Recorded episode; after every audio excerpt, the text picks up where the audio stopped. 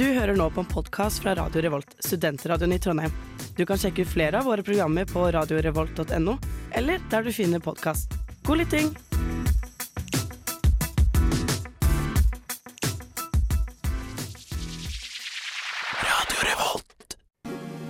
Stemningen er over 9000 i en helt ny episode av Nerdeprat, spillmagasinet på Radio Revolt.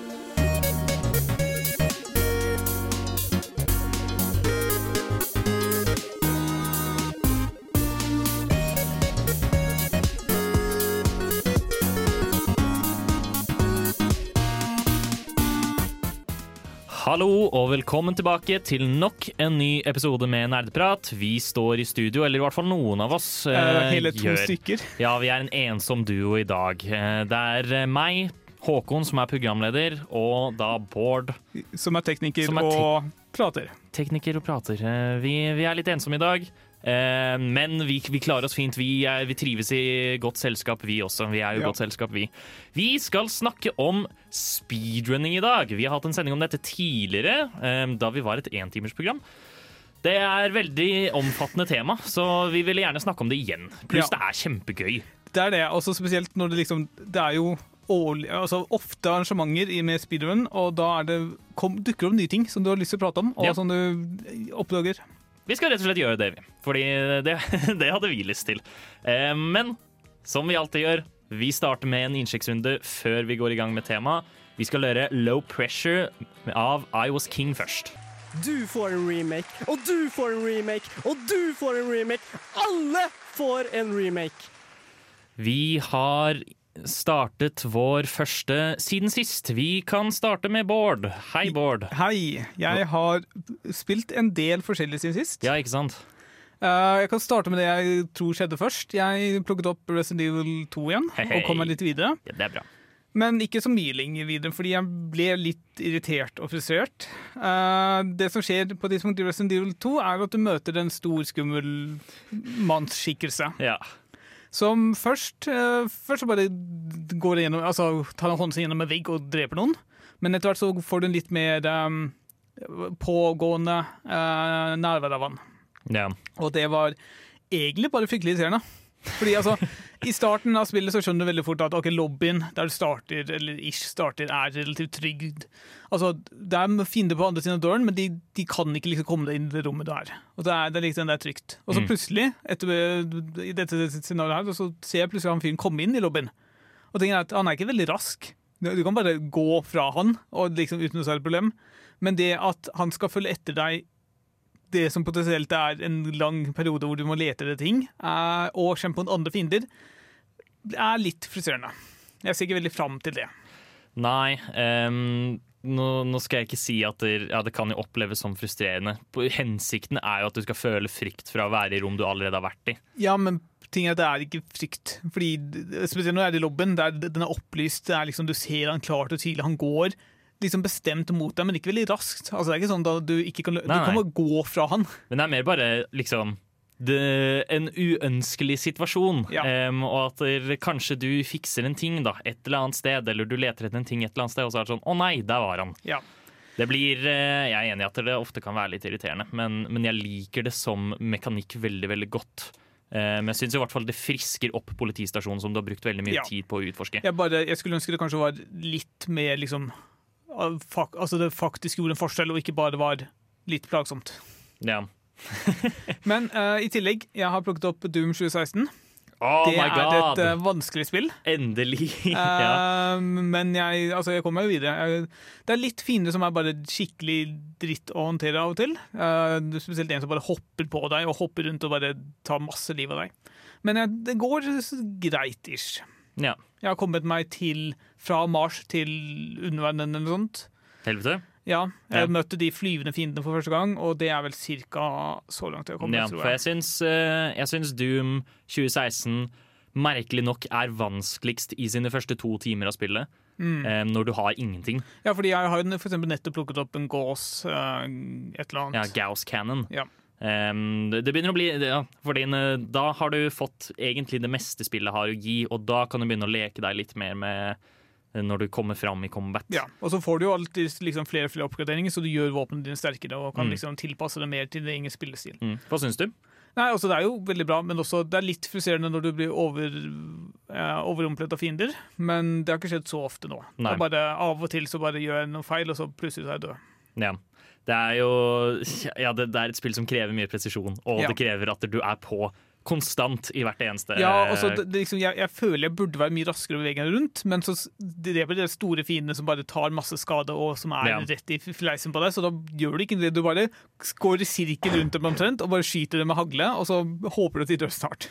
Ja, men uh...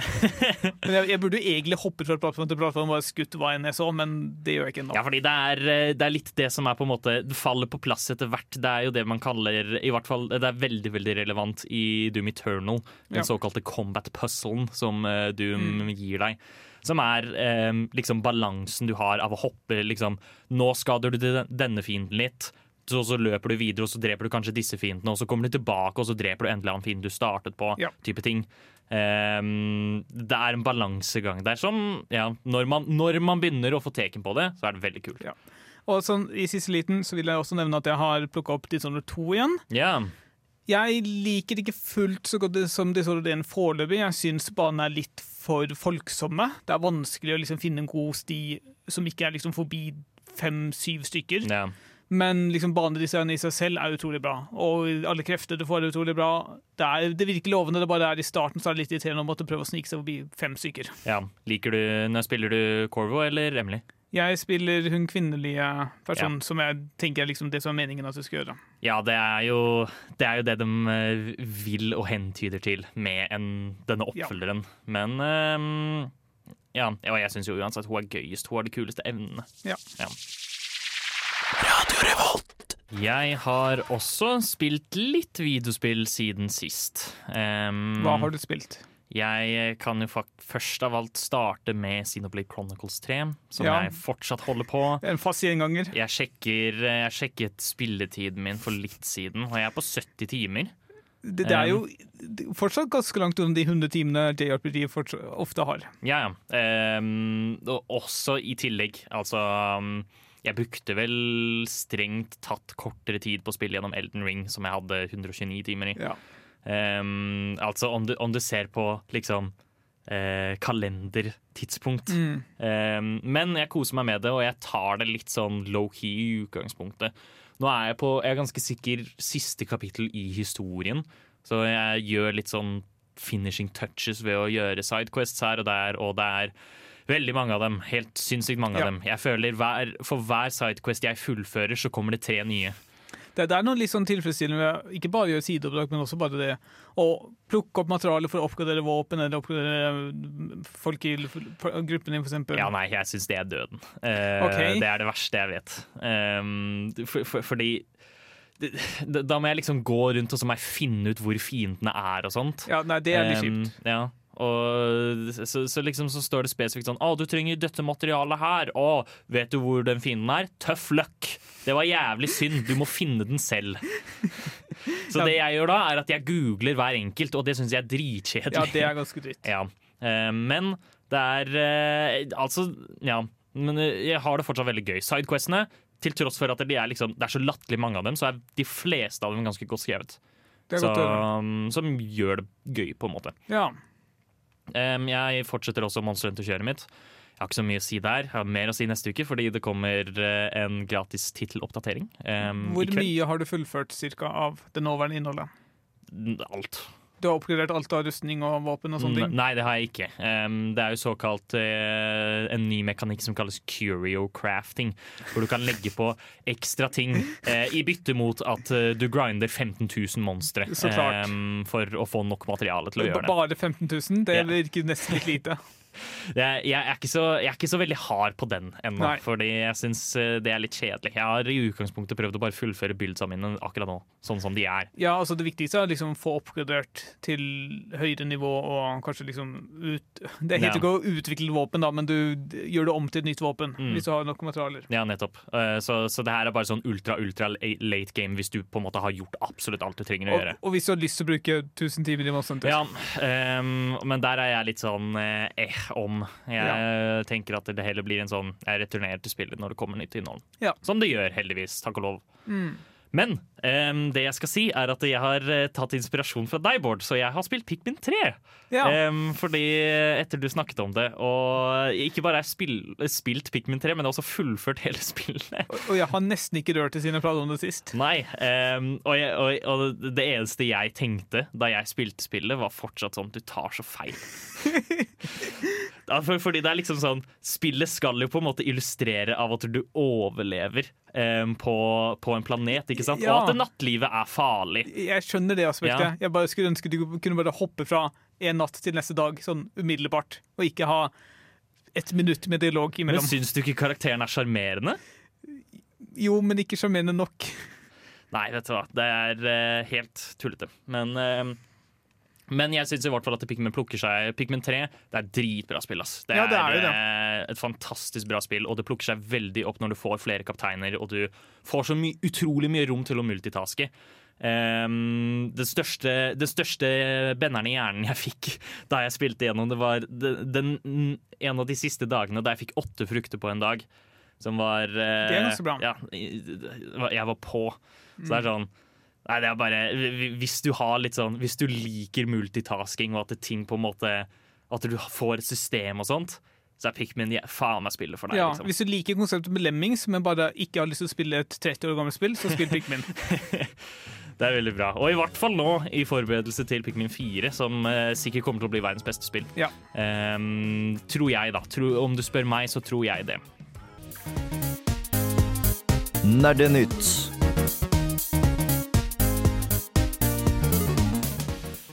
Vi skal snakke om litt spillnyheter. Det har skjedd noen småting. Ikke veldig mye, men uh, Det er overraskende hvor lite det egentlig har skjedd. ja, det er Annet enn liksom uh, Det har vært brukerrekorder i type Cyberpunk. Jeg tror jeg leste at Cyberpunk enda hadde overgått Witcher 3 i samtidig spillere på Steam. Oi, vent. Ja, OK. Ja. Ja, nå, vet du, nå kan jo problemet være at liksom, du, du, du sier også Witcher 3 som kommer for syv år siden. Men altså, på et tidspunkt altså, Eller altså høydepunktet Altså den, den øv, øverste Høyeste antallet samtidige spillere på Steam er nå høyere for Cyberpunk enn det det var for toppen på oh, Witcher. ja, OK. Skjønner. Så type, Ja, liksom, men det er jo naturlig, fordi det kommer flere og flere potensielle brukere med tiden. Uh, Cyberpunk har fått masse mediedekning i det siste, så det er, det er ikke så rart. Det Mhm. bare er litt interessant at eh, det skjedde nå. Jeg tror det hjelper av at de, ja, de faktisk har jobbet på spillet. Ja. At de har fikset en del av problemene. Og lansert en ny TV-serie, så vidt jeg ja, og lansert en ny TV-serie. Det er veldig mye cyberpunk ute akkurat nå. Det gir Ja. mening at folk kommer til spillet akkurat nå. Og hvis det også var på salg, for eksempel, så vil det også hjelpe. Mm. Men uh, det fulgte jeg ikke med på. En ting jeg syns er veldig gøy, derimot, er uh, Det, det har blitt en internettkultur for å liksom bare eh, sånn et par år etter et hata produkt kommer ut, så er det sånn Jeg syntes eh, det, det var altså Dere var bare dårlig. Det var alltid bra, altså. Det var alltid bra, og folk er det samme om Cyberpunk akkurat nå. Bare fordi Cyberpunk er bra nå, så skal de hevde at Cyberpunk alltid har vært bra. Altså, det man kanskje kan si er at det var ikke like dårlig som det anmeldelsene gjorde det til, men det er også fordi de skapte så store forventninger selv at de ikke Ja, levde opp til dem. nettopp. Ja. Men det har jo folk sagt i evigheter. Men det, Mm. det betyr jo ikke at spillet har vært bra hele tiden. Nei. Men det er fortsatt eh, ja, hva skal man si, hyggelig å se at Cyberpunk endelig har eh, nærmer seg det produktet som ble lovet. Ja, La oss høre med Tai en gang om eh, det faktisk stemmer også. Ja, Om han er, ja, Om han noensinne spiller det igjen? Eh, I ja. tillegg, uh, de siste uken eller to ukene, jeg husker ikke helt, så slapp Nvidia en ny serie med skjermkort. ja. Og fikk uh, en voldsom eh, respons fra internett og kulturen. Hvorfor Fordi de er jeg, ikke, jeg husker ikke prisen, men de var utrolig, utrolig dyre. Altså Folk driver og spekulerer fordi altså, kryptovaluta er halvveis dødt nå, men allikevel så er de prisgitt den, det samme som da krypto var stort. Som folk ikke helt skjønte på. De skulle liksom bli billigere. Og sjefen for Nvidia har sagt at uh, det, tiden er over for at uh, ting blir billigere med tiden. Ting skal bare holde seg i pris, mener han. Så det det, det er åpenbart at de har veldig lyst til å tjene mer penger. Ja. uh, og veldig mange si, kommenterer nå at de har tenkt til å boikotte Nvidia fordi de liker ikke helt uh, pris, eh, eh, eh, prispolitikken deres. Nerdeprats erkefiende i form av kapitalisme slår til igjen. Men altså, Nvidia har ikke vært så ille så lenge. Det har vært, det har vært andre problemer, men det her viser jo at de kanskje bare er interessert i penger. Ja, um, men altså for en som ikke kan så mye om uh, skjermkort og slikt, uh, hva liksom hvordan avgjør man verdi ut ifra hvor sterkt skjermkortet er, eller hva man Altså, skal si? Skjermkort er jo ofte det som har mye å si på hvor pen, visuelt pent et spill blir når du spiller det. Mm. Og da er det liksom et slags minimumskrav og et anbefalt krav fra spillets side om, som du ville oppnå. Og hvis du så klart, hvis du kjøper en eldre generasjon eller en billigere modell, så har den kortere levetid holdt på å si, Mm. enn de dyreste. Men jeg tror det var snakk om Altså, Jeg husker ikke engang. Jeg, jeg så prisen og så den var høy, men jeg husker ikke hva den var. Men, eh, men, men for det du får, da, så er det veldig mye høyere pris Ja. enn det burde vært. Uh, en venn av meg fra Sverige hadde kjøpt en ny PC for et halvt år siden. Han angrer veldig på at den, at uh, skjerm, den generasjonen han kjøpte, som er den forrige generasjon, nå er priset det de skulle være, istedenfor skyhøy som det var for et halvt år siden. Ja. Og nå har jo da Nvidia kommet med nye som også er skyhøye, fordi de tror krypto fortsatt er en ting, og kan leve på den bølgen. Det er bra, Nvidia. Ja. Eh, Det finnes heldigvis andre konkurrenter. AMD eh, har eksistert lenge. Intel har kommet med ny GPU nå, så det er, det er alternativer der ute. Mm, ikke sant. Og det var på dette tidspunktet i runnet der jeg brukte radiofrekvensskippen, som involverer at du hopper over alle de andre radiokanalene, så du kommer direkte til Radio Revolt mens nerdeprat er sending. Denne skippen er kritisk for en god tid i et Nerdepratspirun, og den kan spare deg masse tid på klokka om du er frame perfect, slik at du gjør skippen på en torsdag mellom klokken fem og syv. Deretter brukte jeg snip flip-glitchen, som involverer at du skrur volumet opp og ned, slik at du lurer koden. Det stemmer. Nå har vi startet på speedrun-delen av uh, Nerdeprats sending. Em, vi skal speedrunne sending. Eh, ja, kanskje. Um, vi, skal, vi skal i hvert fall speedrunne en speedrun-sending ved at vi skal prøve å omtale egentlig det generelt viktigste innenfor speedrunning Ja. uh, i denne, denne korte totimerssendingen. Um, hva er eh, om, vi skal, om vi skal leke dum, da, hva er en speedrun innenfor videospill? Speedrun er jo hovedsakelig det å komme gjennom spill på raskest mulig måte med et sett regler for hvordan du har lov til å gjøre det. Mm. Så det er, eh, det, det er rett og slett folk som på en måte har hva skal man si, kjedet seg eller tenkt ah, det her var eh, gøy, jeg kan se, la meg, la meg pushe grensen av hvor langt jeg kan gå. Ja. Og så har de prøvd å fullføre spillet så, så raskt som mulig. Det blir på en måte kappløp mot hverandre. Ja, og det blir jo også ofte liksom ikke bare en hvor du viser hvor, hvor flink du er til eksempel å gjøre ting eh, La oss si fysisk, fordi det er liksom type hvor raskt kan du klippe, eh, trykke på knapper, eller hvor nøyaktig kan du trykke på knapper, men det også viser en ekstrem stor kunnskap om spillet og hvordan liksom spillet fungerer. eh, hva som må til for å få hoppe over visse deler av spillet, eksempel, eller liksom hvordan fysikken fungerer og alt mulig sånt. Mm. Som er utrolig imponerende. Ja. Litt sånn historisk bakgrunn, bare for å starte. Og det er vel at eh, den første speedrunning-communityen, Um, det som på en måte har startet bølgen av det, sies ofte å være rundt communityen til det originale Doom. em, Som man da forstår veldig godt for hvordan det spillet er bygd opp. Em, og et spill som også mm, virkelig belønner deg av å spille det på nytt. Em, samtidig som at det har en klokke av hvor langt du har brukt um, på hvert nivå. Som da naturligvis brygger en 'ja, men hva om jeg kan gjøre det raskere'-mentalitet. Ja. Um, som da også har nå skapt speedruns som ja. Og som er overraskende godt støttet fra spillutviklere også. Veldig mange spill kommer med liksom alternativer for å skru av ting som gjør spillet treigere. Du kan liksom skru på en klokke, sånne ting. Og Mm. liksom bare det å kunne bytte mellom forskjellige eh, stemmeskuespill og liksom teksting og sånne ting, også hjelper veldig godt. Ja, fordi det, det er jo sykt mange sånne småtriks og slikt uh, de bruker i speedrun. Ja. Um, ja. For eksempel uh, i innledningen her så brukte du uttrykket 'frame perfect', Ja. og det betyr at noe har blitt gjort på nøyaktig det bildet det må gjøres, og hvis du skjønner spillet riktig, så har er det minst 24 bilder per sekund, men det er liksom, det er gammelt. Uh, nå til dags har jo ofte spill liksom 60 bilder per sekund, Ja. eller kanskje til og med 120-140. Da begynner du å snakke veldig veldig presise ting. Mm. Så da er det sånn eh, Det er utrolig nøye planlagt, og de, de som på en måte spiller speedruns, de er så så latterlig godt kjent med spillet de spiller. Ja. At, der, ja, at de i det hele tatt kan få til en frame perfect input, er jo helt vilt.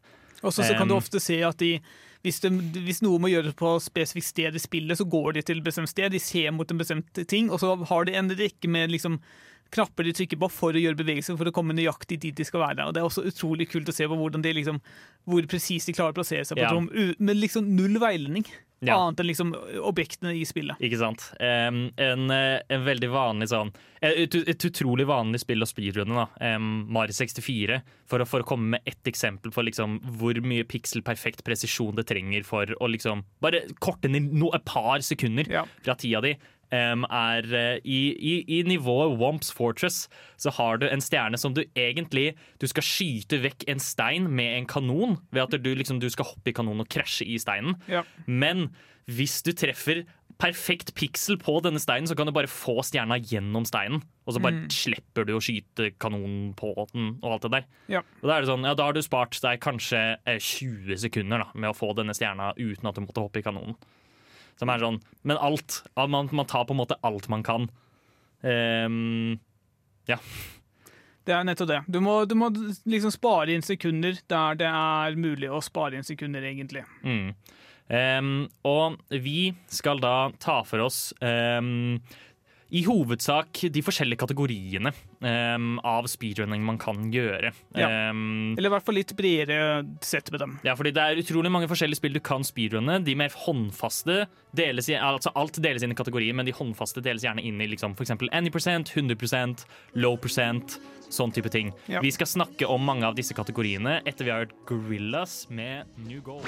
Haha, du aktiverte nettopp mitt trap card. Nå er du nødt til å høre på nerdeprat til episoden er ferdig. Nani?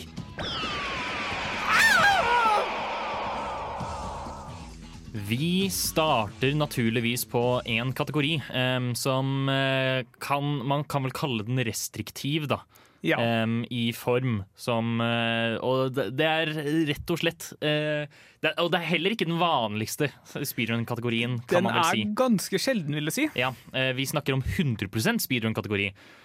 Men også liksom variasjoner av det. Uh, Ja. Det finnes spill hvor 100 ikke er maks, eksempel, og da er gjerne 100 erstatta av det som er maksprosent for spillet. Ja, Hvis du tar eksempel um, Collectathons fra Nintendo 64-æraen, var veldig, veldig god på den ah, 101 Ja. um, Så da kan det også være en ny speedrun-kategori som på en måte går innover her. Ja. Hollow Knight også har jo opptil 112 um, Riktig.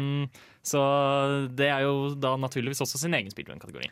Men jeg, jeg liker ikke den kategorien, rett og slett. Jeg, jeg, personlig så syns jeg den er for voldsom. Altså, det er det, som blir vist i en 100% kan li, Altså 90% av det blir vist i en kortere og mer liksom sam, konkret eh, kategori. Ja, altså for eksempel um, 100 er kjipt, fordi du må plukke opp, du, du må liksom plukke opp alt. Du må, det er som sagt, det er et miljø rundt det her som sier ok, hva er 100% for dette spillet her. For Super Mario 64 så er det eksempel 120 stjerner. Da heter Kokorin egentlig 120 stjerner, og Mm. det er det. ja. Uh, og det, de tar ganske lang tid å liksom plukke opp alt og finne alt og sånne ting. Det, fordi det er jo et lang Altså 100 det, det er jo ment at du skal spille disse spillene Ja. en stund, liksom. Jepp. Uh, JRPG er notorisk uh, skikkelig dritt for å ha veldig lange spill og veldig mye å samle på. Mm. Uh, men for eksempel for Mario 64 er det ikke like ille. Fordi jeg tror en 120 stjerner tar sikkert ikke mer enn liksom en time og halvannen. Super Mario 64 kan man fortsatt liksom optimalisere movement veldig. Selv Ja. om den er eh, selv om, selv om runnet er glitchless, så kan man gjøre ting, på en måte. Ja. Og det, det er liksom fordi det er veldig mye liksom bare det å bevege seg riktig. Ja. Og det er, alle stjerner er veldig kjappe, det bare tar tid. Mm, om vi tar en annen, bare sånn eksempelvis, um, som er kanskje det jeg, jeg så veldig mye av det, men det var også sånn, jeg kan ikke tro at noen orket dette. Og det var en 100% speedrun av Donkey Kong 64, som da har over 2000 collectibles, er jeg ganske sikker på. Eh, kanskje til og med mer. Eh, minimum over 2000. Og det er eh, den var altså så ekstrem. Eh, ekstremt lang, og det, liksom, det tar så lang tid. Og det er her, det er, her er det ikke mulighet for å liksom optimalisere movement. Og dritmye av de bananene du skal få tak i, er liksom låst bak kjipe minigames med Ja. ræv controls. Jeg klarer ikke å fatte at noen orker det, og det er kjedelig å se på i tillegg. Jeg, jeg, jeg, det, du har jo om sommeren og om vinteren og sånne ting, så er det et arrangement som heter SDGQ, som gjør masse spill, eh, speedruns og sånt. Så- Eh, og da tror jeg, jeg Av og til så ser jeg eller, gjennom videoene fra sånne ting, og så ser jeg plutselig fire timer lang, uh, 100% av et eller annet, eller kanskje seks timer lang til og med. Uh, Fun Fancy ofte er liksom notorisk for å ha lange Lange Ja. sånne sekvenser. Mm. Eh, men jeg har også lyst til å gi en liten sånn fin en til 100% da, fordi jeg speedrunner ikke så mye.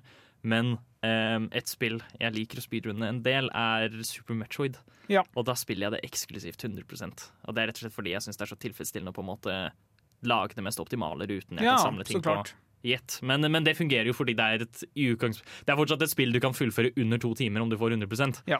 Um, Og en eh, reddende engel for denne kategorien generelt er de spillene hvor man har funnet en måte å liksom kutte alle videosnuttene på. Ja. Uh, I Final Fantasy 10 tror jeg så er det en modifikasjon folk lager lage som bare hopper over alt det som du egentlig ikke kan hoppe over. Som Mm. gjør at uh, du kan kanskje kutte ned tid med liksom halvtime-time på Ja. sånn de utrolig veldig lange spillene. Det er, eh, om, om, om man ser på en måte Om man skal se verdien i en 100 %-kategori, så er det utrolig imponerende å se noen optimalisere liksom, et helt spill, et helt fullstendig spill, på så, såpass måte, liksom. Og, og, og også huske alt Ja. sammen. Altså, som regel så har de kanskje litt hjelp, kanskje har dokumenter og sånne ting som du ser på, men det er veldig mye du må huske, og det er veldig mye i tilfelle du gjør en feil, så må du korrigere deg selv. Ah, I hvert fall sånn eh, Har du sett Breath of the Wild 100% speedruns? Nei. Der er det jo Det er sånn 800 Koroks eller noe sånt, som eh, alle har liksom hver sin lille puzzle som du må løse for å få dems Korok seed. Og det er jo At folk liksom får til det, og det går genuint dritkjapt. Folk er sykt gode på det, liksom. Det er, uh, Helt utrolig. det er, så, så på den siden er 100% veldig imponerende, men det, er, uh, det er- holder på en måte ikke noe candle da, Um, til den neste kategorien, som da tillater for så mye mer rom av hvordan du ønsker å gå frem, um, og hva, hvor mye du ønsker å gjøre, egentlig. Em, vi snakker selvsagt om Anypercent, um, hvor um, vi, man kan uh, ikke da man, man, man slipper å finne hver eneste fuckings ting i spillet, rett og slett. Vi skal snakke om det etter vi har hørt Vieux Farka Touré uh, med Hey, The DJ MacLeod Banks. dør på Nerdeprat. Baku! Det stemmer.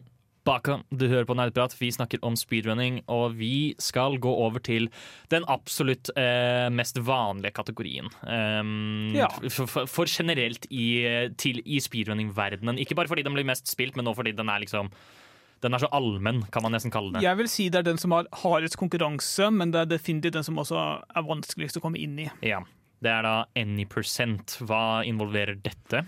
Det involverer at du kommer til liksom sluttstadiet av spillet, men du trenger ikke å faktisk ha fullført noe som helst. Ja. Så lenge du har uh, any percent du, du, Altså, du kan ha fått 1 for uh, all del. Ja, eller null. Um, det er jo fine Mario speedruns som er sånn Ja, du klarer ett nivå, og så wrong walk Ja. deg til uh, slutten av spillet. Ja, fordi altså, egentlig er som, Måten kategorien som regel er definert med, er du skal bare se liksom, sluttscenen eller sluttskjermen. Typen du har vunnet. Ja. Og så trenger du ikke ha gjort noe for å komme deg dit. Annet enn, eh, altså, du kan gjøre hva som helst for å komme deg dit. Mm. Et av de mer kjente eksemplene på det er jo Wrong Warp fra Ocarina of Time. Hvor uh, verdensrekorden gikk fra type Kanskje rett i underkant av en time til type sju minutter. Ja. Over natten. Fordi da fant folk ut at uh, hvis du gjør en serie med ting mens du går gjennom en dør, eller rett før du går gjennom en dør, ting, så klarer du å lure spillet til å frakte deg til en annen sone enn dit du skal. Ja. Og ved å gjøre dette her veldig tidlig i spillet, så tilfeldigvis så er den sonen du blir transportert til, eh, kampen på, helt på slutten av spillet, hvor du beseirer hovedfienden med en pinne. ja. Fordi du fortsatt er kid. Um, På det tidspunktet så skal Link være en voksen mann. Og har sverd. og, ja. Og jeg tror spillet fortsatt tror du har et sverd, og det, pinnen fungerer som et sverd, fordi den skjønner ikke at det er mulig å komme dit uten sverd, men ja. det er så gøy å se på. Um, og, det, og det er liksom det, wrong, et wrong da, da jeg så min første wrong warp-run av Ocarina of Time, liksom, jeg ble helt mindblown. Det er Ja. helt sinnssykt. Og det er også presise ting. Liksom sånn derre Hold en bombchew og baklengssalto idet den springer ut av uh, døra, eller noe sånt, og så blir du teleportert til bare et helt tilfeldig sted. Og det er sånn Ingenting av det du ser, gir mening, men det er poenget. Ja. I tillegg så burde vi også nevne det at uh, noen spill, spesielt gamle spill, har type arbitrær kodeutføring, som vil si at uh, hvis du du kan laste minnet med liksom gjenstander plukket opp i spillet, og sånne ting, og så kan fordi spillet har en dårlig måte å håndtere disse tingene på, så kan du be spillet Vennligst la meg fullføre spillet. Bare, bare spillet for meg. Du bare programmerer midt i, liksom. Det er, Du programmerer spillet ved å liksom hoppe rundt og plukke opp ting og kaste ting og alt mulig sånt. Det er- Mario World er jo veldig anerkjent her, um, vet jeg i hvert fall. Og Yoshi's Island og sånt, Ja. hvis det er 2D-spill fra Snes-tiden. Der du kan um, fordi, fordi med, med litt eh, lure bevegelser og presise inputs og sånn, så kan du faktisk bare programmere deg til slutten av spillet. Ja. Sånn at et eh, Mario World speedrun tar ikke mer enn 16 sekunder. Det er helt sinnssykt. Det er helt vilt! Og så, nå er det veldig lenge siden jeg fant ut dette her, men hvis jeg husker riktig, så var det en veldig tidlig versjon av Mark of the Ninja, hvor du kunne bare hoppe til venstre og gjøre noen andre greier, og så ble spillet ferdig. Fordi de ikke hadde håndtert uh, ting veldig bra. Det er, det er så vilt variert også hva folk finner på, på Ja. en måte. Um, et et uh, nytt eksempel også, som jeg også syns var utrolig gøy, er eh, Brilliant Diamond og Shining Pearl, de nye Pokémon-spillene. um, der uh, skjer det et eller annet fucka system hvis du åpner og lukker menyen din um, på en eller annen fucka måte, så kan du åpne menyer oppå menyer. um, Stemmer det, ja. Som lar deg basically bare fly uh, på en eller annen rar måte og lar deg gå forbi folk, fordi du kan bevege deg mens menyen din er oppe. Ja. Og det gjør også at når du kommer til championen, du kommer til ligaen, så kan du bare liksom åpne en meny i det du skal snakke med henne, og så bare løper du forbi henne, og så går du opp til Hall of Fame, og så har du blitt champion. Uten, Ja. å, uten å slåss i det hele tatt. Det er uh, veldig interessant hvordan noen spill håndterer mekanikkene Ja. sine på. Det er jo ikke alle, um, alle spill som er liksom så ville. Det kan jo bare være liksom, En any percent run kan jo også være sånn Ja, du gjør minstekravet av det som forventes for å komme deg til slutten av um, Hva skal man si? Slutten av spillet. Ja, slutten av spillet. Sånn liksom, hvis for eksempel La oss si du hadde gjort et glitchless run av uh, Hollow Night. Det, altså, det betyr bare gjør ting raskt. Altså, Ja. ikke, be, ikke gjør noe som ikke er meninga skal være Vær kjapp på å slå de viktigste bossene. Ja. Um, som da også er eh, relevant til uh, den neste kategorien vi skal snakke om, som da er low percent. Dere får høre mer om det etter vi har hørt Dead uh, av Nei, med Martin, gutten min, du må komme deg middag! Å, mamma! Jeg kan ikke sette på pause nå! Jeg er midt i en heftig episode av Nerdeprat! Vi snakker om speedrunning, og vi går over til en ny, veldig veldig gøy, rar, merkelig kategori, som da kalles low percent. Den er jo egentlig ikke så merkelig. Jeg vil kanskje tro at det er mange som starter med den. Og den, Men er, er du sikker? altså den, den heter jo som regel ikke low percent. Den heter for eksempel type Uh, og uh, altså alle bossene du må drepe for å fullføre spillet, eller kanskje liksom minimalt antall stjerner i Mario Ja. for å komme deg til slutten, liksom, som jeg tror jeg er 100 eller sånt? 70? Ja. 70, 70 stjerner for å komme seg til slutten. Ja. Um, ja, ikke sant. Og det er jo, altså Trikset med det er jo type du hopper over det du kan hoppe over, og du kan bruke liksom alt mulig av teknikker for å komme deg mellom steder, men du må liksom, du må ha en viss progresjon å spille. Mm. Og rekkefølgen har egentlig ikke så mye å si, det heller. Nei. Så det er en slags mellomting mellom gjør akkurat hva faen du vil for å komme deg til slutten, og gjør absolutt alt du må, eller altså alt du kan gjøre, og så komme deg til slutten. Ja, fordi jeg syns du- hvis, du, hvis du tar den på en måte low percenten, så er jo det naturlig og en, em, et naturlig startpunkt for enhver liksom, fersk Ja. speedrunner å hoppe inn i. I hvert fall hvis man skal ta um, før, før man kommer til det litt vanskeligere um, speedrun-triksa. Fordi som nevnt, de krever utrolig presisjon. For eksempel i Hollow Night så vil det være, sikkert være en god start å bare drepe de tingene du må drepe for å komme deg videre. Du trenger ikke å samle noen ting, men hvis det hjelper deg, så plukk det opp. Og se hvor fort du klarer å fullføre spillet. Mm. Men um, low percent, en, en, en kategori som også impliserer liksom fortsatt litt mer triksing og slikt, hvis man ja. går ut ifra det. Fordi hvis du sier da ah, eh, bare storybossene em, I så Dark Souls. I, i, I eksempel Dark Souls. Mm. Um, det, det finnes jo også muligheter her for at du liksom kan faktisk uh, Dark Souls har veldig mye potensial for uh, wrong warps og glitcher og slikt. Ja, definitivt. Um, som da også er sånn eh, kan, Kanskje, ja, la oss si du, du spiller Dark Souls 1, og du skal kun ta em, de som har eh, Lord Souls Mm. og sånt. Da, da kan du i teorien faktisk warpe deg frem til kun de bossene, og bossene som er imellom, vil jo du ikke måtte ta. Nei, nettopp. Ja. Men jeg vil jo eh, som regel, eller jeg mistenker at uh, du som nybegynner i denne kategorien vil ha nærmere tid til liksom rekorden enn det vil f.eks. i en NI hvis du starter helt først. Fordi NI er helt på trynet. Og 100 er litt for lang til at du nødvendigvis orker å starte med den, tror jeg. Ja. Med mindre det er en kategori som vel- appellerer veldig til deg, f.eks. som uh, Super Metroid Ja. for deg. Nettopp. Det Ja, ikke sant? Hvis jeg skulle prøvd meg på noe, så ville det mest sannsynlig vært type low percent, et eller annet Dark Souls-spill, eller kanskje Zelda eller noe sånt. Ja, fordi det, da, da blir det jo rett og slett bare spill raskt. Ja. um, Og se hvilke liksom, snarveier du kan få til med Ja. det, liksom, den kunnskapen du har. Men hvis man på en måte går inn på litt mer av de Hvis man går inn for mer kreative friheten, og sånt, så er det jo liksom Det finnes speedruns der ute som liksom bare er faktisk de bossene du trenger å ta. Ja. Um, sånn at du liksom jeg har også sett folk som speedrunner Dark Souls, hvor de prøver å ta alle bossene i alfabetisk rekkefølge. Um. Rett og slett fordi du kan uh, warpe deg rundt og sånt. Og da er det også for eksempel um, um, Jo, folk som har spilt Ocarina of Time, uh, hvor de også har wrong-warpet seg rundt, sånn at de kun får alle medaljongene.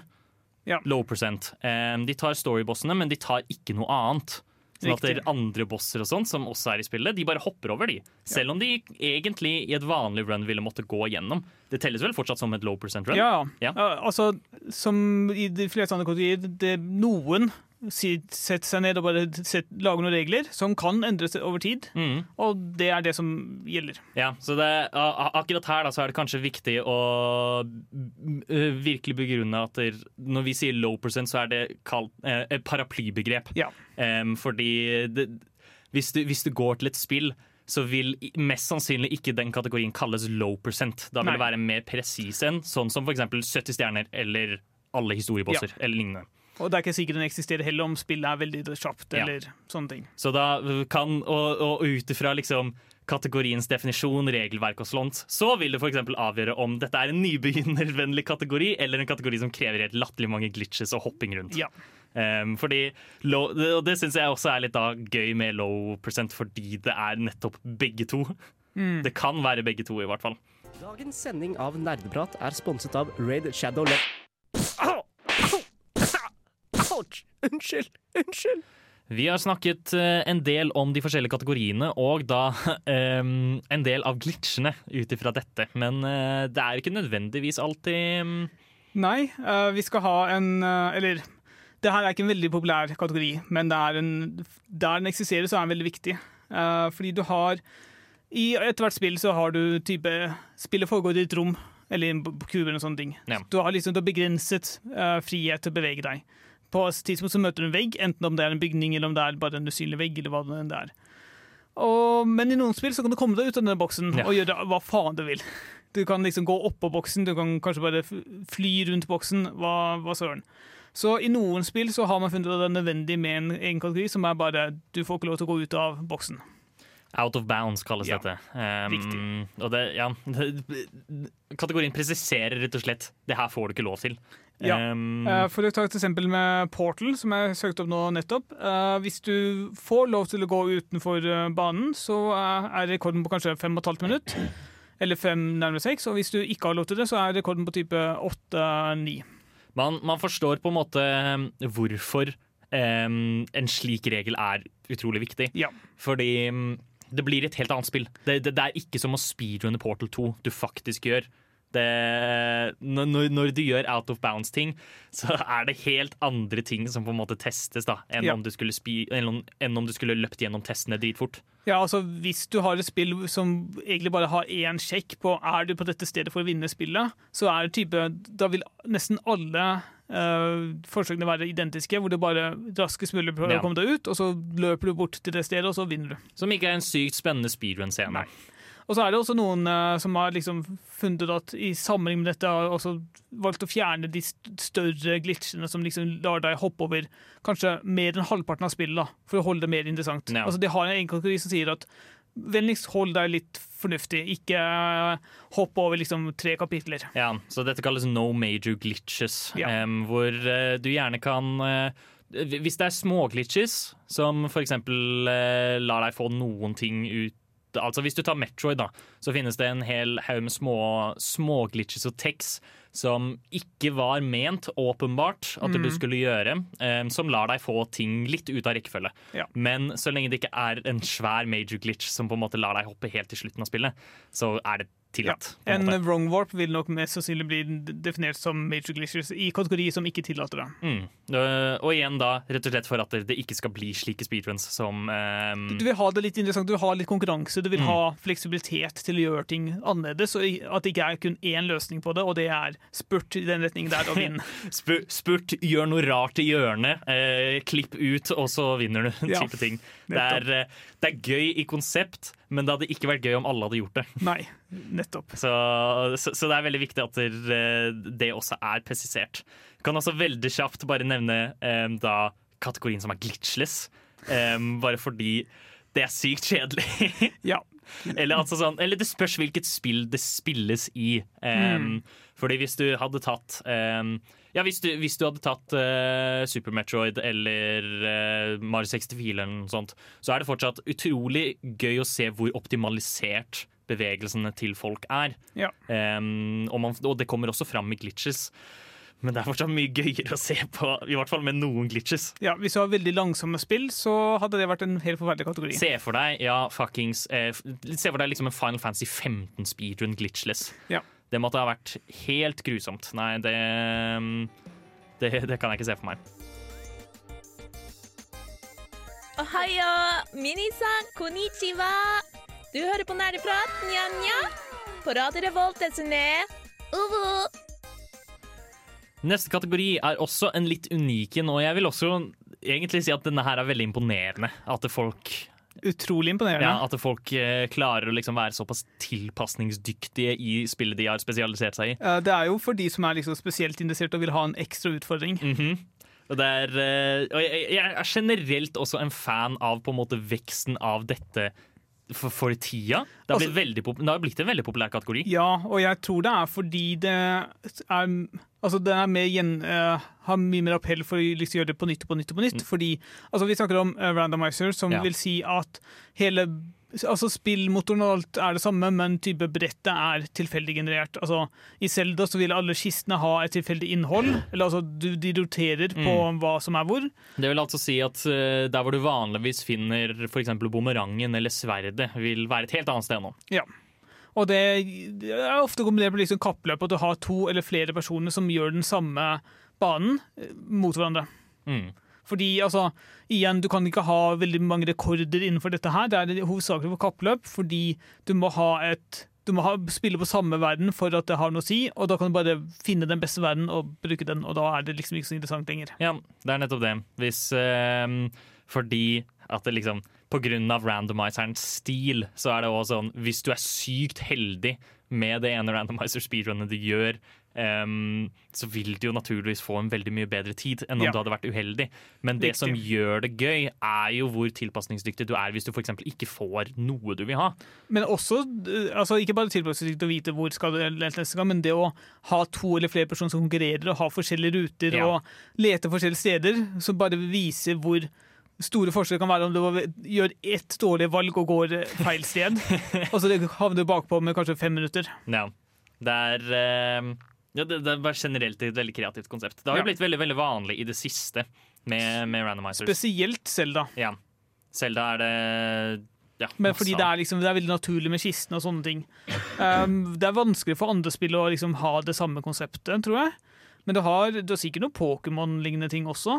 Man kan jo, man kjører jo på en måte litt sånn randomizer avhengig av hvilken Pokémon man får. Mm. Men der òg er det jo litt sånn det vel, Jeg tror ikke det er så mye speedrunning, eller altså kappløp, involvert Nei. i lignende ting.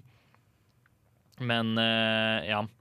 I, I Mario, altså går det, jeg, tror, jeg har hørt om Mario, men jeg husker ikke hvordan den skiller seg ut. Fordi det gir ikke noe helt mening at uh, stjernene er bytta om, fordi det har ingenting å si. Sånn egentlig.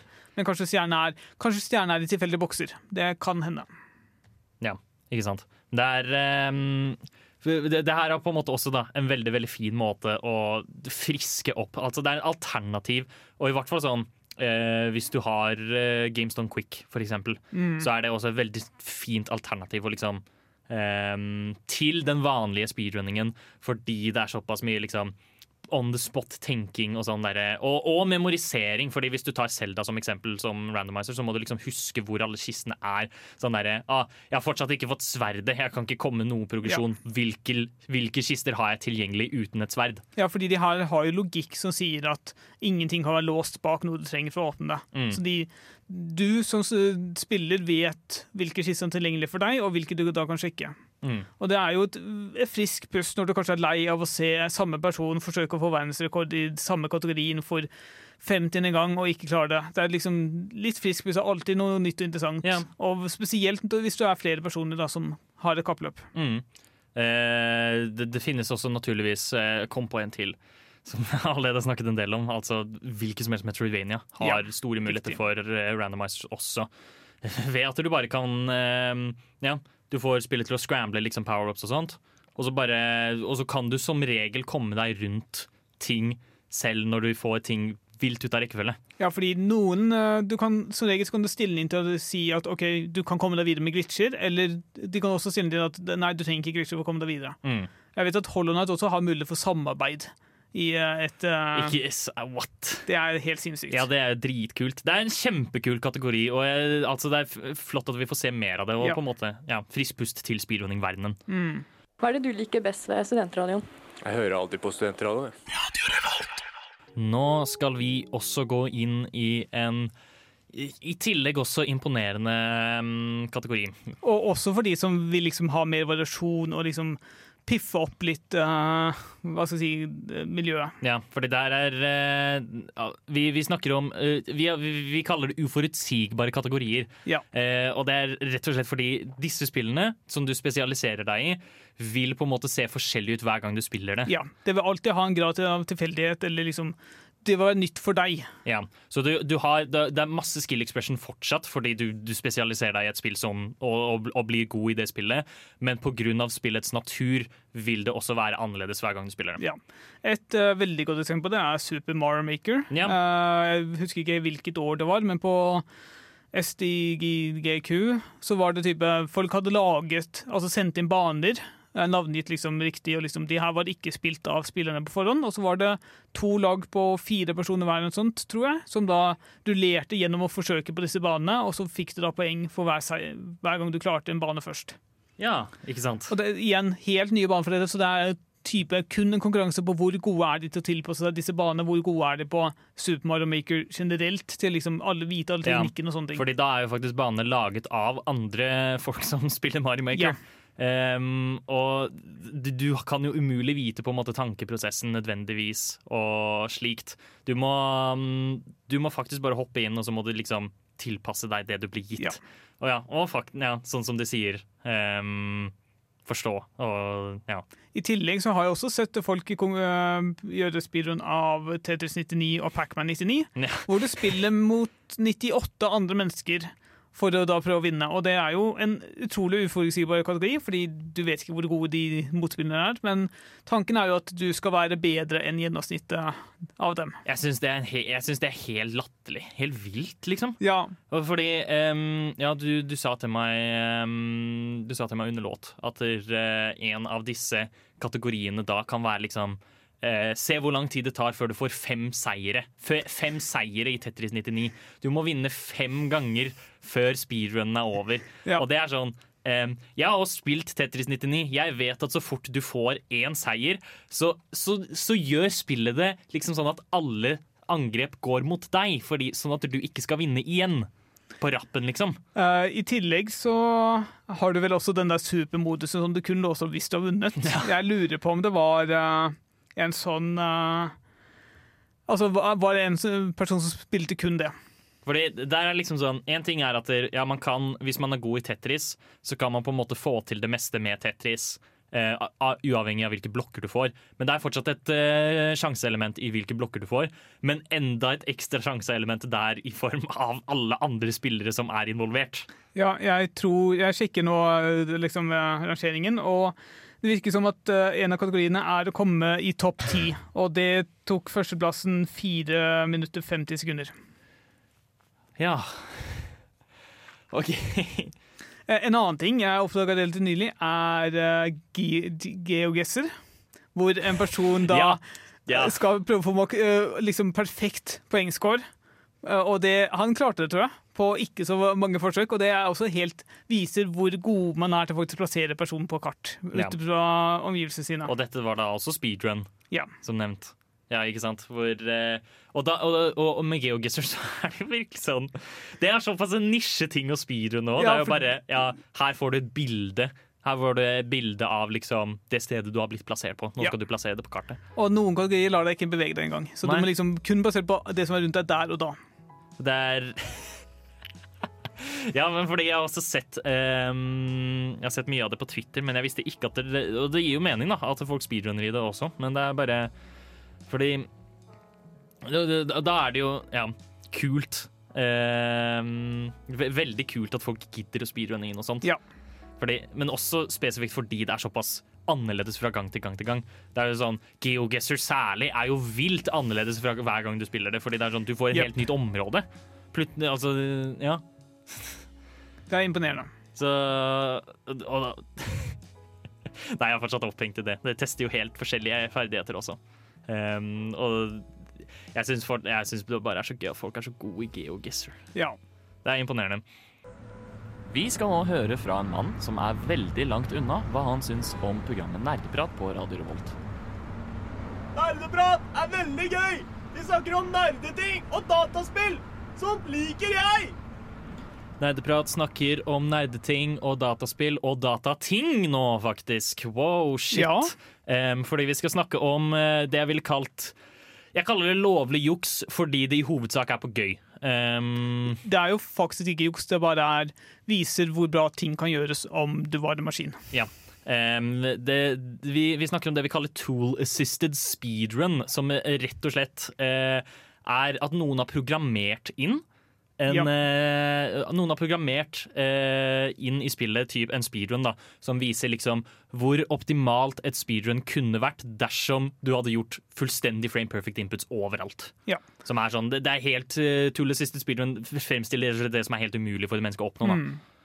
Og det som er også veldig interessant, er at i og med at de bruker dette her kontinuerlig, så er det triks som tidligere kun var, kunne bli gjort av en datamaskin, som man da i etterkant ser at OK, nå har faktisk mennesket menneske klart å gjøre det. Mm. Det- Kanskje, kanskje ved en tilfeldighet, kanskje liksom, det skjedde én gang og så aldri igjen, men type, de, de visste, fordi de visste at det var mulig gjennom en TAS, så kan de da i hvert fall forsøke å gjøre det, Ja. og kanskje få det til. Og da er det jo mulig, men det er fortsatt jævlig vanskelig. Yes. Og så er det også det at det er veldig vanskelig å være så konsistent. Så liksom en TAS gir deg hvis, de, hvis du opererer på liksom 100 ytelse gjennom hele spillet, hva, da, hva vil da være tiden din? Og så kan du da sammenligne deg med det. Og liksom finne ut hva, ok, hvor gjør jeg det dårlig, hvor gjør jeg det bedre. Gjør det ikke bedre, men hvor, hvor, hvor, hvor har jeg forbedringspotensial? da? Ja, ikke sant. Det er, um, så, så, så TAS brukes jo på en måte som et verktøy um, og et middel, et hjelpemiddel da, for å se liksom hvor, ja, hvor kan jeg bli Ja. bedre? Hvor, ehm, hvor kan man optimalisere mer? Og ja, hva er potensielt mulig? Og så kan man jo da eventuelt ut ifra sin egen kreativitet finne på andre ting. Ja, men det er også veldig ofte brukt bare for å vise fram hva er mulig i dette spillet om vi hadde vært flinke nok. Eh, Ja. Det er ikke så lenge siden jeg så Portal 1 eller Portal 2, tror jeg det var. Uh, sikkert Portal 2, hvor de da spilte av en, en, noen, altså altså en TAS som hadde spilt inn, og da forklarte liksom alle triksene og bare forklarte hvordan hvorfor det er så vanskelig for mennesker å det, få det til. Ja, og det er jo utrolig lærerikt, og ikke minst gøy. Ja. Um, I hvert fall, eh, Jeg følger en konto på Twitter som heter noe sånt som Tool Assisted Speedrun Bots, eller noe sånt. Taspot, Mm. tror jeg den heter. Em, og det eneste den gjør, er at den publiserer en eh, ny tas hver dag. Um, og da gjerne kanskje bare liksom et 30 sekunder klipp av denne tasen som fullfører et level eller noe sånt Ja. i et eller annet ting. Uh, Taspot er jo faktisk navnet på en av de mer populære bottene som brukes. Jeg tror den både finnes en fysisk versjon til liksom konsoller, men også liksom digitalt. Ja, ikke sant? Um, og det er bare Men det er virkelig noe av det morsomste. Um, jeg, jeg, jeg elsker å se på det, fordi for, det det er helt latterlig hva folk kan programmere det til. Ja. Mange av de tassene jeg ser på der også, programmerer jo de til å gjøre mer tulleting. Og liksom sånn em, for eksempel sånn, ah, hvis, du, hvis du har en autoscroller Mario-nivå, så bare hopper de crazy rundt, og så er de alltid på kanten Ja. så vidt. Og de- bare kødder, liksom. Ja, Hvis de vet de har dødtid og kan bruke tiden til noe morsomt, så gjør de jo selvsagt det. Ja, og det, og det er kjempegøy. Det er sånn um, så, så, så TAS er virkelig det, det, det er utrolig morsomt å se på også for de. Ja. Jeg vil si, eh, Hvis du ikke har gjort det ennå, sjekk ut f.eks. Celeste TAS. Fordi Ja. det å ha en veldig presis plattformspill eh, utført av en robot er utrolig kult å se på. Fordi det er liksom, de er så gode, og de er så raske. Det er jo et spill som liksom er sånn Det er dritvanskelig. Ja, det nettopp. krever ut enormt høy presisjon, og da se en, en TAS av et sånt spill er jo da helt vilt. Ja, og jeg kan også se for meg at det liksom sikkert er gøy med ja, ta, ta de der jævellevelene i Super Meat Boy, da.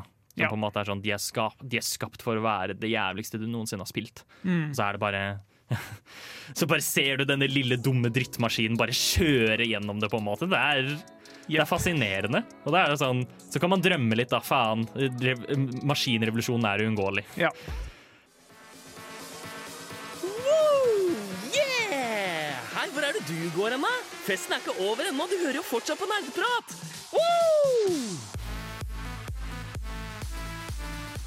Festen har faktisk så vidt startet. Vi skal nå gå tilbake eh, en liten stund. Fordi også for to år siden, da vi snakket om speedrunning, så fremhevet jeg en liten eh, Hva skal man si et ønske, da. Um, rundt at, eh, fordi speedrunning har jo som, som felt blitt et, av konkurranse blitt utrolig stor opp gjennom tidene og har nådd en peak nå i det siste. Ja. Så jeg vil gjerne liksom Og folk er så jævlig dyktige, og jeg hadde da også et stort ønske om å være med på det toget. Um, men uansett, altså jeg skryter jo gjerne av meg selv for uh, Super Metroid og slikt, at jeg er jo litt god i det spillet, da, men ikke i nærheten av like god som alle andre. Um, det, det er altfor vanskelig for meg å liksom nå opp dit, og jeg har ikke tålmodigheten til det heller. Men det stoppet da altså ikke meg, og jeg skulle få min egen speedrun-verdensrekord. Um, så jeg fant da også um, et spill som absolutt ingen hadde speedrunnet før. um, som jeg endelig kunne knabbe meg en verdensrekord i. Og det var da kortspillet Gris. Til de, altså bare superkjapt. Eh, Gris er et kortspill hvor alle spillerne har fem kort på hånda, eh, og én har seks. Den personen med seks kort skal gi fra seg kortet til nestemann. Og det er om å gjøre å få fem av samme kortfigur, da. Um, og når du, holder, når du har oppnådd dette, så holder du um, Du holder på bordet for å vise at du er ferdig. Og én runde eh, Altså hvis du ser på et vanlig runde med gris, så kan én runde ta opptil flere minutter. Men det var jo ikke nok. Det, vi, vi, har, vi har sett moralen her nå. Det skal gå raskere. Det skal alltid gå raskere. Og vi skal nå se tilbake, et tilbakeblikk her nå, på da, den gangen jeg fikk verdensrekorden i gris. Jeg har da valgt å utdype meg i gris i kategorien Any percent med fire spillere. For å gjøre det litt mer utfordrende kan du ikke starte med en vinnende hånd. Da er det praktisk talt ikke et run lenger.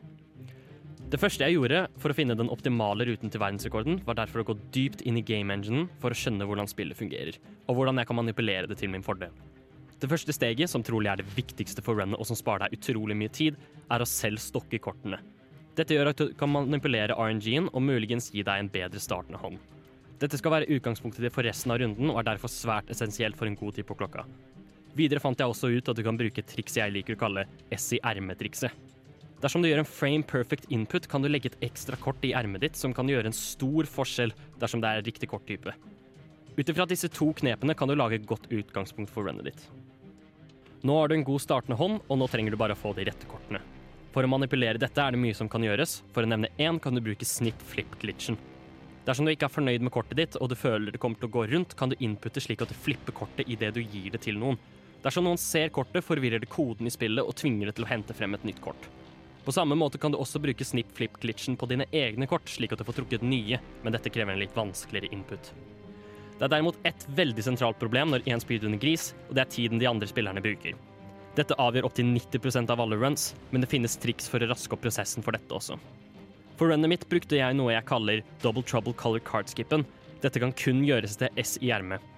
For å gjøre skippen må man ha to nesten like kort, og deretter sender man begge to av gårde med et uhell. Man fortsetter ved å ta ut S-et fra ermet og nekte for at man sendte to kort.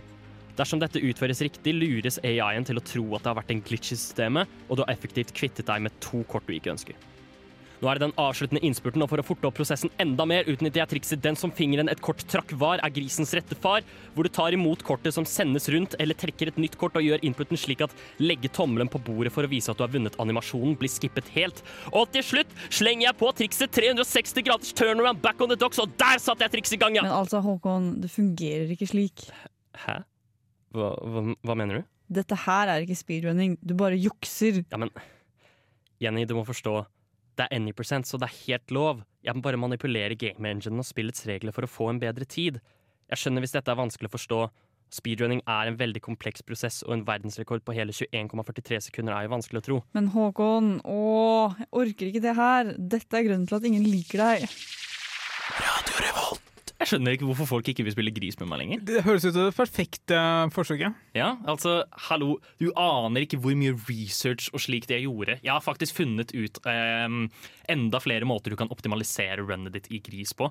Um, ved at hvis du er god nok, um, så kan du faktisk jeg har, ikke, jeg har ikke prøvd på et nytt, uh, nytt verdensrekordforsøk, men hvis du går enda dypere inn i game engine og lærer deg mer om liksom, hvordan kortstokkingen fungerer, så kan du også begynne å telle kort. Ja, sånn at du også kan farge de andres hånd, som også mm, da muligens kan uh, shave ned i hvert fall to sekunder.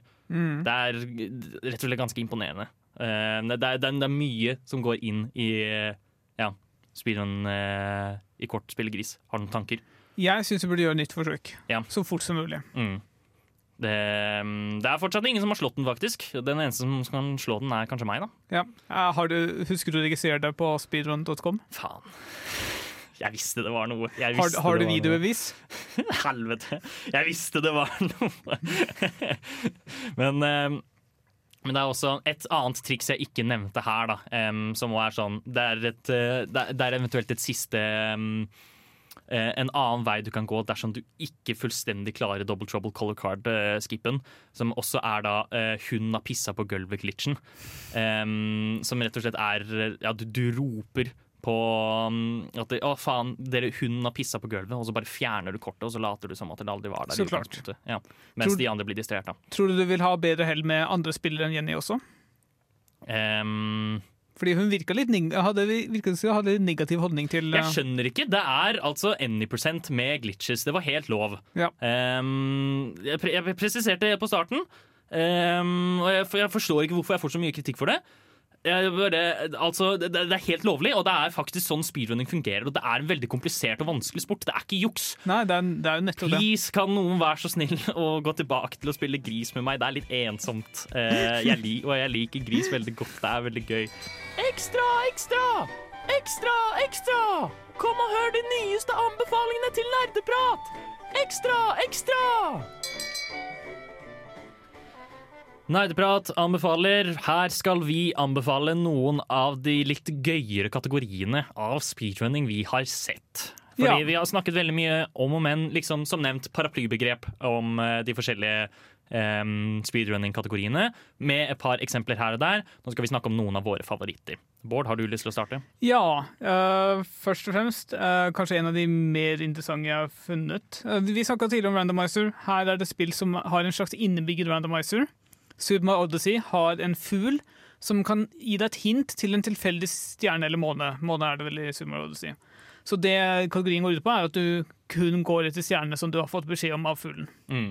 Og jeg tror du kan få Du kan liksom ha maks tre om gangen. Typ du kan spørre han tre ganger, og etter det så vil den gå tilbake til den første. Så du snakker ja. om han tre ganger, og så har du da liste over tre. Så må du finne ut av skal du ta alle de tre samtidig, eller skal du ta én og så gå tilbake. Det er en del planlegging som du må Ja, gjøre da så du får tre forskjellige um, Tre forskjellige mulige mål. Så Ja. må du finne ut av skal du ta alle samtidig, eller komme tilbake senere. Men er- og er det da bare liksom få tak i alle månedene som Talkative vil at du skal? Jeg Eller- tror du fortsetter til du kan fullføre spillet. Oh, ja, ok. Og, det er mulig med bare de månedene du får av Talkative?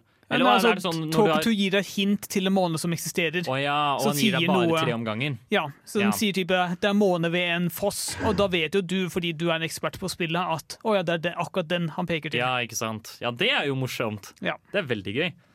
Ehm, så da kan jeg også ta en, og det her er liksom Denne fant jeg nå nettopp, um, og jeg syns den er så gøy at jeg må faktisk uh, at, jeg, at jeg må bare kaste den ut. Jeg tror ikke den er så veldig gøy um, å se på, okay. men bare for å virkelig fremheve hvor eh, utrolig spesifikke disse blir. da. Um, her har du en Super Mario 64 16-stjerne speedrun, men etter hver eneste stjerne så må du fullføre et Super Mario World 11 Exit speedrun med en Dance Dance Revolution-matte. Ok, Kan du fortelle meg hva en eh, 11 Exit uh, Super Mario World eh, Det er å fullføre hver eneste verden uten alvorlige glitches, er jeg ganske Hva sikker på. er tidsestimatet på det? Eh, det tok eh, fire og en halv time. Som For- for ikke hele? er så mye, egentlig. Nei. Og det er sikkert fordi altså, selve Mario 64 speedrun tar sikkert bare sånn 20 minutter? Ja, 20 minutter eller noe sånt. Og det som tar tid, er jo faktisk å fullføre Mario, Mario World på en Dance Dance Dance Revolution-matte. 16 ganger. Ja, og det er helt vilt at folk er såpass dedikerte Ja. til å gjøre det. Herregud. Mm. Nei, ja.